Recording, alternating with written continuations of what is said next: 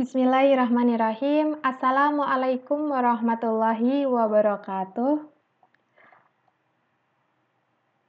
Kepada ibu bapak teman-teman mahasiswa, semoga dalam keadaan sehat dan dalam keadaan kuat, semangat untuk belajar dan senantiasa dalam lindungan Allah Subhanahu wa taala. Amin. Bapak Ibu teman-teman mahasiswa, pada kesempatan kali ini perkuliahan kedua ya, kita akan mencoba belajar bersama mengenai how to write an introduction of an article atau bagaimana caranya menulis pendahuluan dalam artikel.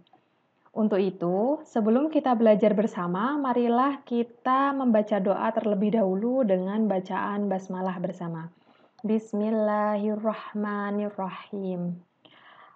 Untuk yang beragama lain, silahkan menyesuaikan dengan doa pembuka sesuai keyakinan masing-masing.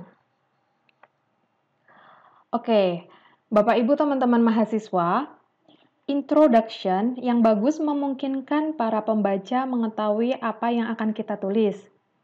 Introduction memuat fokus kita pada hal penting yang akan kita kupas. Bapak Ibu usahakan untuk hindari menuliskan pendahuluan terlalu luas ya, supaya pembaca tidak bingung arahnya ke mana. Jadi memang benar-benar kita harus detail, fokus pada intinya, mengapa kita menuliskan artikel tersebut. Jadi tidak mozaik ke mana-mana gitu. Oke, lalu bagaimana kita menuliskan di introduction?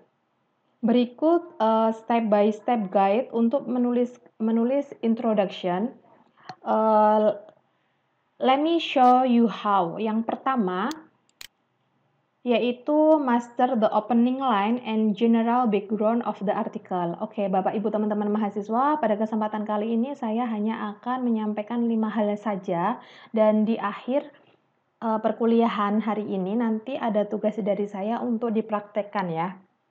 Oke, okay. yang pertama tadi adalah master master the opening line and general background of the article.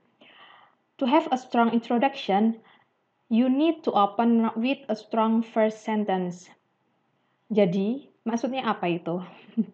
Yang pertama adalah Bapak, Ibu, teman-teman mahasiswa, usahakan untuk membuka kalimat dengan pernyataan, ide, gagasan terlebih dahulu. Hindari sitasi atau kutipan pada kalimat pembuka. Selama ini, pengalaman saya, ketika saya mereview artikel atau tesis mahasiswa, Terlalu banyak saya menjumpai di awal paragraf itu di kalimat pembuka dengan menggunakan sitasi ahli atau teori ahli gitu.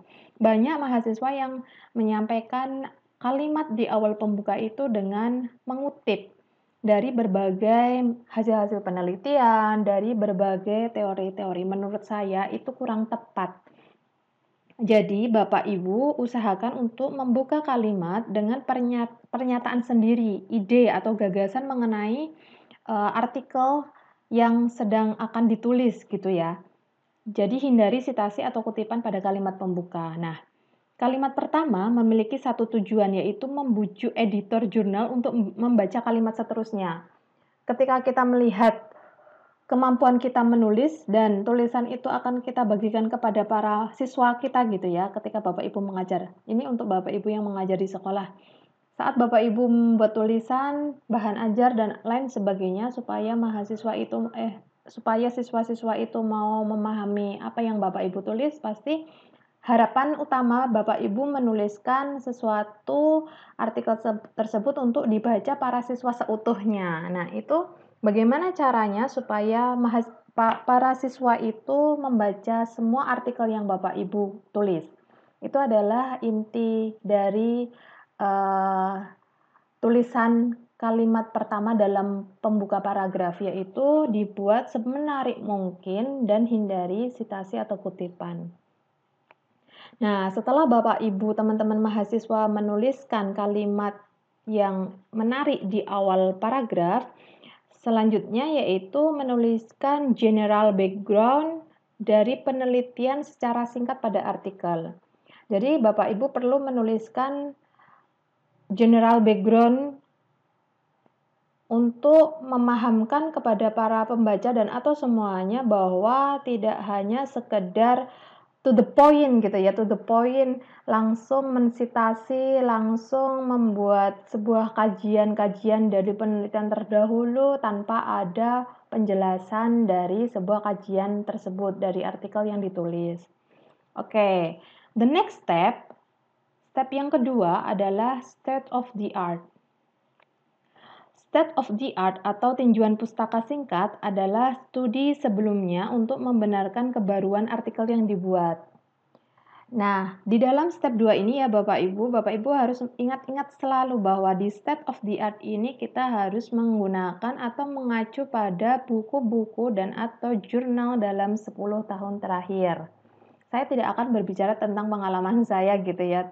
Yang tentunya pasti tahu sendiri Bapak Ibu bahwa uh, banyak teman-teman mahasiswa yang menuliskan di teori-teori atau kajian-kajian teori, kajian pustaka itu dengan menggunakan tahun-tahun yang sudah lama gitu ya.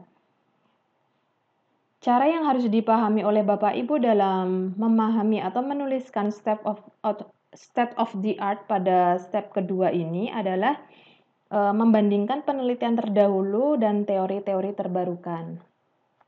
Setelah itu, setelah setelah muncul atau setelah tertulis, setelah membandingkan dan sudah mempunyai kalimat state of the art, selanjutnya adalah kita memasuki step yang ketiga yaitu gap. Gap analysis atau gap statement merupakan sebuah kesenjangan dalam penulisan untuk mendapatkan originalitas atau novelty statement. Bapak Ibu teman-teman mahasiswa dapat membandingkan penelitian sebelumnya atau berdasarkan state of the art yang sudah dibuat di pada pada bagian sebelumnya gitu ya atau yang sudah dituliskan di pada step 2 gitu ya.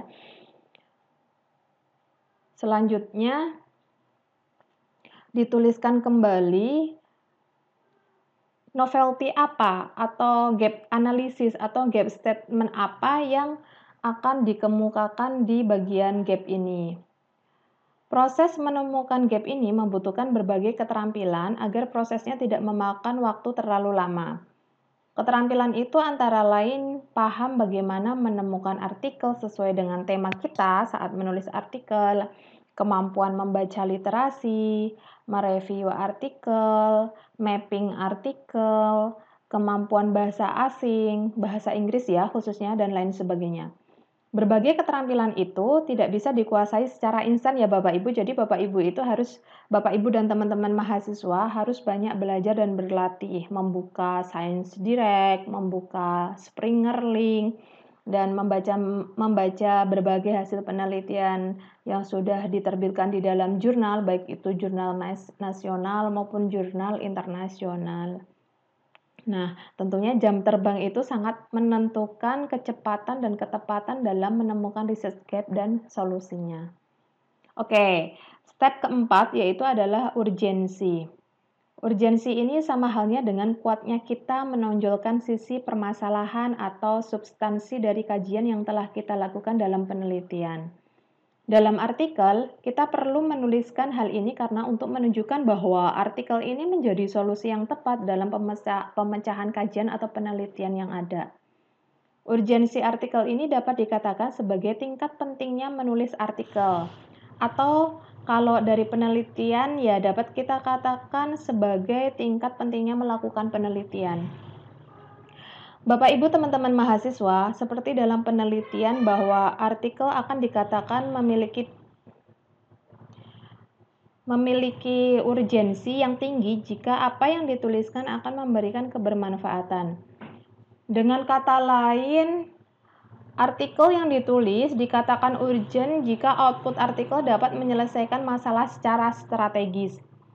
Berdasarkan pengalaman saya, kemampuan untuk menggagas urgensi atau menuliskan urgensi dapat dimulai dari dua poin. Yang pertama yaitu eh, mengenali output yang akan diperoleh. Jadi, Bapak Ibu, meskipun Bapak Ibu itu belum tahu penelitian dan atau artikel karena ini kan artikel yang sangat baru gitu ya belum yang dituliskan ke saya yang draft dikirimkan ke saya itu kok banyak sekali judul-judul yang terkait dengan uh, judul saja gitu ya, gelondoran judul saja tanpa ada draft dari hasil penelitian gitu ya. Dan kita kan tidak tahu itu judul seperti itu uh, outputnya seperti apa gitu ya. Meskipun penelitian belum dilakukan atau uh, penelitian memang baru akan dilakukan gitu ya, output penelitian dapat diprediksi dari jawaban dari pertanyaan penelitian atau rumusan masalah. Yang kedua, merenungkan masalah apa yang dapat diselesaikan dengan output tersebut. Begitu output penelitian dikenali, kita dapat mulai melakukan telaah kritis yang berkaitan dengan apa yang bisa dilakukan dengan output penelitian tersebut. Kita bisa saja menemukan berbagai poin masalah yang dapat diselesaikan jika output penelitian diperoleh. Tentunya, peneliti sebaiknya berfokus pada masalah yang bersifat strategik saja. Dan step terakhir yaitu step 5 yaitu the purpose atau tujuan. Bapak Ibu teman-teman mahasiswa nanti di paragraf, paragraf terakhir itu bisa disampaikan terkait dengan tujuan artikel atau pertanyaan artikel. Oke, Bapak Ibu teman-teman mahasiswa semua, sekian pembahasan kita mengenai how to write an introduction of an article saya kira sekian, semoga bermanfaat dan di akhir nanti kita akan ketemu praktek gitu ya, yang nanti akan Bapak Ibu selesaikan selama empat hari dan kirimkan kembali ke saya terkait dengan penulisan artikel. Sebelum saya tutup, saya ingin menyampaikan hal penting ini ya kepada Bapak Ibu teman-teman semua bahwa saya melakukan rekaman ini di rumah di mana rumah ini tidak ada peredam suaranya. Sehingga apabila nanti Bapak Ibu saat mendengarkan dan uh, mendengarkan sesuatu yang tidak tidak berkaitan dengan apa yang saya sampaikan termasuk suara-suara deru-deram kendaraan motor lewat atau suara-suara hewan gitu ya karena memang di rumah tidak ada peredam suara, saya mohon maaf lahir dan batin. Kalau saya ulangi, sepertinya itu mungkin akan seperti itu terus, ada suara-suara tersebut. Jadi, saya mohon maaf, semoga inti dari perkuliahan kedua kita hari ini dapat Bapak Ibu pahami bersama. Sekian dari saya, banyak kesalahan saya mohon maaf. Marilah kita akhiri perkuliahan hari ini dengan bacaan tahmid bersama. Alhamdulillahirabbil alamin. Wassalamualaikum warahmatullahi wabarakatuh.